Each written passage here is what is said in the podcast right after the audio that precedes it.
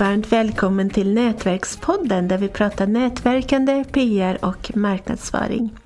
I förra avsnittet av podden pratade Nina Jansdotter om dolda jobb och idag har vi ett liknande tema och en väldigt intressant gäst som jag ser fram emot att få prata med. Hon har haft olika roller inom telekom och IT och hennes intresse för människor ledde fram till, ett fram till en doktorsexamen inom management.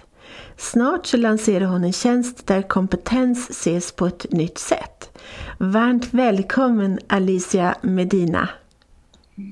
Tack så mycket Marie. Jag är också eh, otroligt glad att få vara här och kunna prata med dig. Vad roligt. Mm, jag skulle kunna tänka mig att det är massor av folk som vill prata med dig nu om, om din blivande tjänst.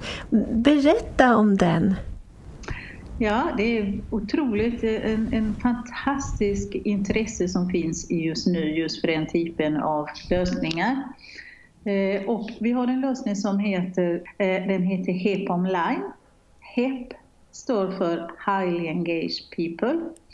Och, och, det är just det med för att man ehm, när människor får använda den kunskap, den kompetens som de har och det de vill och det de brinner för, då blir de också engagerade. Varför ser vi att det finns en sånt intresse nu, att den bygger också rätt, det ligger verkligen rätt i tiden? Det är för att den bygger just för att sätta människor i centrum. Och eh, hela det där nya sättet att se på organisering, där det inte längre handlar om att man har en chef som bara tilldelar arbetsuppgifter och andra människor som bara gör dem. Utan det också finns en dynamik där den anställda också kan själv eh, välja eh, till viss del vilka arbetsuppgifter man känner att man vill eh, göra och på vilket sätt man bidrar i organisationen. Sen har vi också i den här tjänsten, när man ser två saker, en, en sak är kunskap, det som man lär sig genom antingen att praktiserat eller läst en bok eller har gjort en kurs. Och det kan vara kunskap i projektledning, kunskap i att kunna programmera Java eller kunskap i specifika områden. Men den andra delen är det då som vi pratar om förmågor. Människor, vad är det man, man kan göra med den kunskap? Och den är väldigt beroende på kulturen som kan finnas i organisationen och vilken kontext det är. Och ett exempel på det, till exempel om man eh, ska jobba som projektledare inom en bank eh, gentemot att jobba som projektledare till exempel på IKEA då är det då den rena kunskapsdelen kan vara precis detsamma. Det man behöver veta för att hantera ett projekt. Men i och med att det är helt skilda miljöer, det är helt skilda kulturer, så krävs det andra förmågor, annorlunda förmågor beroende på var, vilka av de två ställen man ska jobba. Mm där banken har mycket mer kanske den strikta och följa saker och att bete sig och vara på ett visst sätt. Eh, Medan till exempel ett företag som IKEA eh, är med den där att vara väldigt ödmjuk och inkluderande och mycket plattare organisation. Så att förmågan blir annorlunda på grund av kulturen. Och detta är någonting som vår lösning hjälper att med den intelligens som finns inbyggd i lösningen, att kunna just det mappa så att rätt person hamnar på rätt plats. Nej, det är fantastiskt! Hur, hur kom ni på den här idén? Vi befinner oss nu generellt sett i hur vi ska organisera oss. Det är mycket mer av den här den agila som har kommit ut, som finns mer och mer i organisationen. Där team blir mer autonoma. Man pratar också om organisationer som kallas för TIL och när man befinner sig i till-tillståndet så är de flesta team ganska autonoma. Beslut behöver inte fattas från en chef utan det fattas från de som vet och kan, har kunskapen i ämnet eller kommer att påverkas av kunskapen. Och det står också för helheten där man ser, eh, man tar hänsyn till människor i organisationen, men också till eh, omgivning, också till kunderna och Eh, det hållbara. Det handlar inte bara om nu utan också framtiden. Och det är det som är på frammarsch överallt. Den agila har lyckats kommit ganska långt i Sverige och nu börjar man mer och mer jobba med till organisationer, eller många gör den resan, en kulturresa för att bli en till organisation. Och där blir hantering och kompetens otroligt viktigt. Då går man ifrån den där att man har, som jag sa tidigare, då, en chef som ska tilldela arbetsuppgifter. Då, då är det människan som står i centrum och oftast har människor kan mycket mer än vad som bara man vet i organisationen, vad som står i en CV. En annan sak som är i sådana organisationer är att samarbetet blir otroligt viktigt. Man ska kunna samarbeta över gränser. Det är inte bara så att man ska jobba i specifika silos, att varje team bara jobbar med sig själv, utan det gäller att sprida. Och med hjälp av den här lösningen också kan alla människor kunna söka, vem kan den där, vem har kunskapen av den där, för att kunna få stöd för samarbete eller bara för att få stöd i form av någon som kan coacha där eller svara på frågor. Det är också en lösning som bygger på öppenhet. Där alla ska kunna se eh, vilka förmågor jag har, vad är det jag kan, eh, men också vilka är mina intressen. Alla arbetsuppgifter också ska kunna göras synliga. Och det man också går ifrån i det nya sättet att organisera sig, man går ifrån att säga att en roll, människor som har en roll ska alltid göra exakt samma sak och ha detaljerade arbetsbeskrivningar.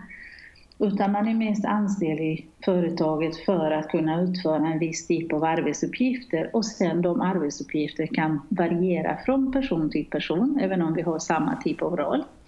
Eh, variera helt och hållet för att det är olika personer med olika eh, kunskap och eh, förmågor. Eh, men också då för att tiden från en dag till en annan, en vecka till en annan, kan det finnas olika typer av arbetsuppgifter som behövs göras. Hur fungerar det då rent praktiskt? Att fyller man i massa uppgifter eller hur sjutton går det till? Hur kan den här tjänsten eller produkten HIP ja, veta? Ja, den, här, den här bygger då på en forskning som, som har gjorts då. Det är Rolf eh, Medina som också är med i, i, i företaget har gjort under flera år tillsammans med mig. Sen leder det till hans doktorsavhandling inom det. Så vi har väldigt många algoritmer och väldigt många eh, frågeformulär som ligger bakom. Eh, då har vi också gjort det att det ska bli så enkelt som möjligt för, för den som eh, ska jobba. Det ska inte bli en produkt till eller en sak till som gör att människor måste svara på tusen frågor. Detta måste man göra i början självklart, men sen blir det ganska enkelt. Och då går det till så här att man som användare får fylla i sin profil välja vad är det, vad är för den delen som har kunskaper. Och då, då kan man välja också vilken nivå man befinner sig. Och det är en produkt som bygger på att man tror på medarbetare så att det är den nivå som de anser att då är det det som kommer att bli. Men systemet har också någonting som vi kallar för kalibrering. Det varje som kunskap. Man med hjälp att svara på andra frågor så kan man se om den här nivån stämmer så att man har någonting som är jämförbart mellan alla individer. Sen finns det de där förmågor som är delat i olika karaktäristiker. Det gör man också. När det finns en ledig arbetsuppgift, den som har den arbetsuppgift får också stöd ifrån systemet att skriva okej, okay, arbetsuppgiften X och till det behövs de här kunskaperna. Och baserat på var någonstans i organisationen de arbetsuppgifterna ska utföras så tar man hänsyn till kulturen i den delen av organisationen som man har satt in från början. Och då skapas också en sån profil. Och sen jämför systemet jämför de där två. Både för den som är intresserad av den arbetsuppgift och den som eh, har gjort eh, själva beskrivningen av arbetsuppgiften. Eh, och där ser man också eh, hur bra den mappar. Men systemet, det som gör är att den blir då en redskap för att kunna fatta beslut. Systemet kan också leta efter många som har den kunskap och göra en sån mappning så är den personen som ska tilldela de arbetsuppgifter som ska välja. Det är inte så att systemet väljer själv. Mm. Systemet ger förslag. Det blir en stöd för att fatta beslut. Vilka vänder sig den här tjänsten till? En målgrupp är till exempel eh, konsultföretag som måste eh, dels ha sina medarbetare, sina konsulter verkligen engagerat och behålla dem och se till att de får uppdrag som ligger i linje med deras, hur de vill utvecklas och den kompetensutveckling som de vill ha. Men sen måste de ha hänsyn till kunderna. Eh, så att när man skickar en konsult till en kund så måste eh, den konsulten verkligen kunna verka i den miljön. Eh, det är den ena segment som vi har. En annan segment är då kring rekrytering i och med att man inom rekrytering så gör man också samma sak. Man måste istället för att göra de där eh, vanliga traditionella saker som man gjorde innan som bara man jämför CV och det traditionella sättet att rekrytera är att man försöker matcha ett till ett och se från de kunskaper som man tycker att personer borde ha, vilka är det de inte har, så men mer för att hitta det istället för att hitta lämplighet. Med hjälp av detta så kan rekrytera sig se lämplighet eh, hos personer. Eh, sen har vi en, en annan eh, grupp, det är då eh, typ ehm, olika yrkesskolor som också måste då hjälpa de eleverna att kunna hitta rätt. Vad är det jag måste utbilda mig? Var befinner jag mig? Vad är det jag saknar för att kunna uppnå en viss eh, typ av jobb? Då kan man också att göra sina assessment i systemet och systemet kommer att markera vilka områden det är det som måste utvecklas. Och det kan föreslå olika typer av Eh, kompetensutvecklande aktiviteter. Allting från praktik till kurser till att skoga en person och, och leda sig på det sättet. Mm. Eh, och sen har vi alla andra då som vi kallar det för kunskapsintensiva företag. Det är stora företag Eh, där människor vet inte vad finns det för kunskap och vad finns det för, för, för saker i, i någon annan avdelning eller någon, någon, någon annanstans i företaget. För den här synliggör. Och det är därför vi säger att den här gör kompetens transparent. Och man får fram de där dolda talanger, saker och ting som man vet inte att människor har.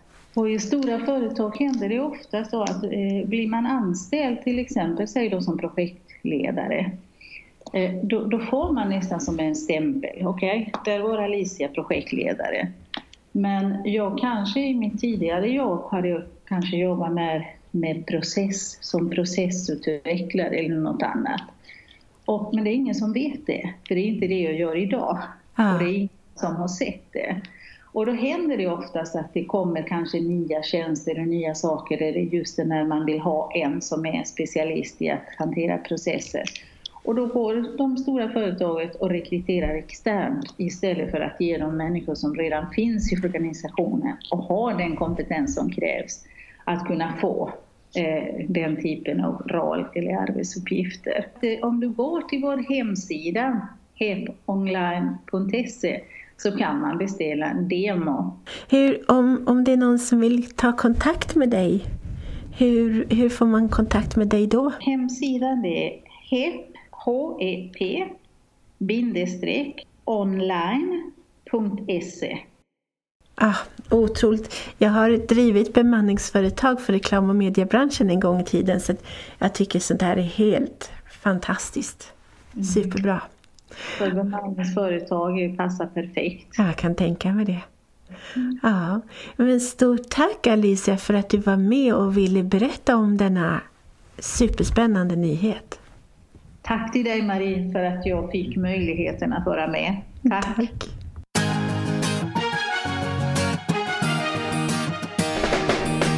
Tack för att du har lyssnat på Nätverkspodden om nätverkande, PR och marknadsföring med Nina Jansdotter och Marie Hagberg.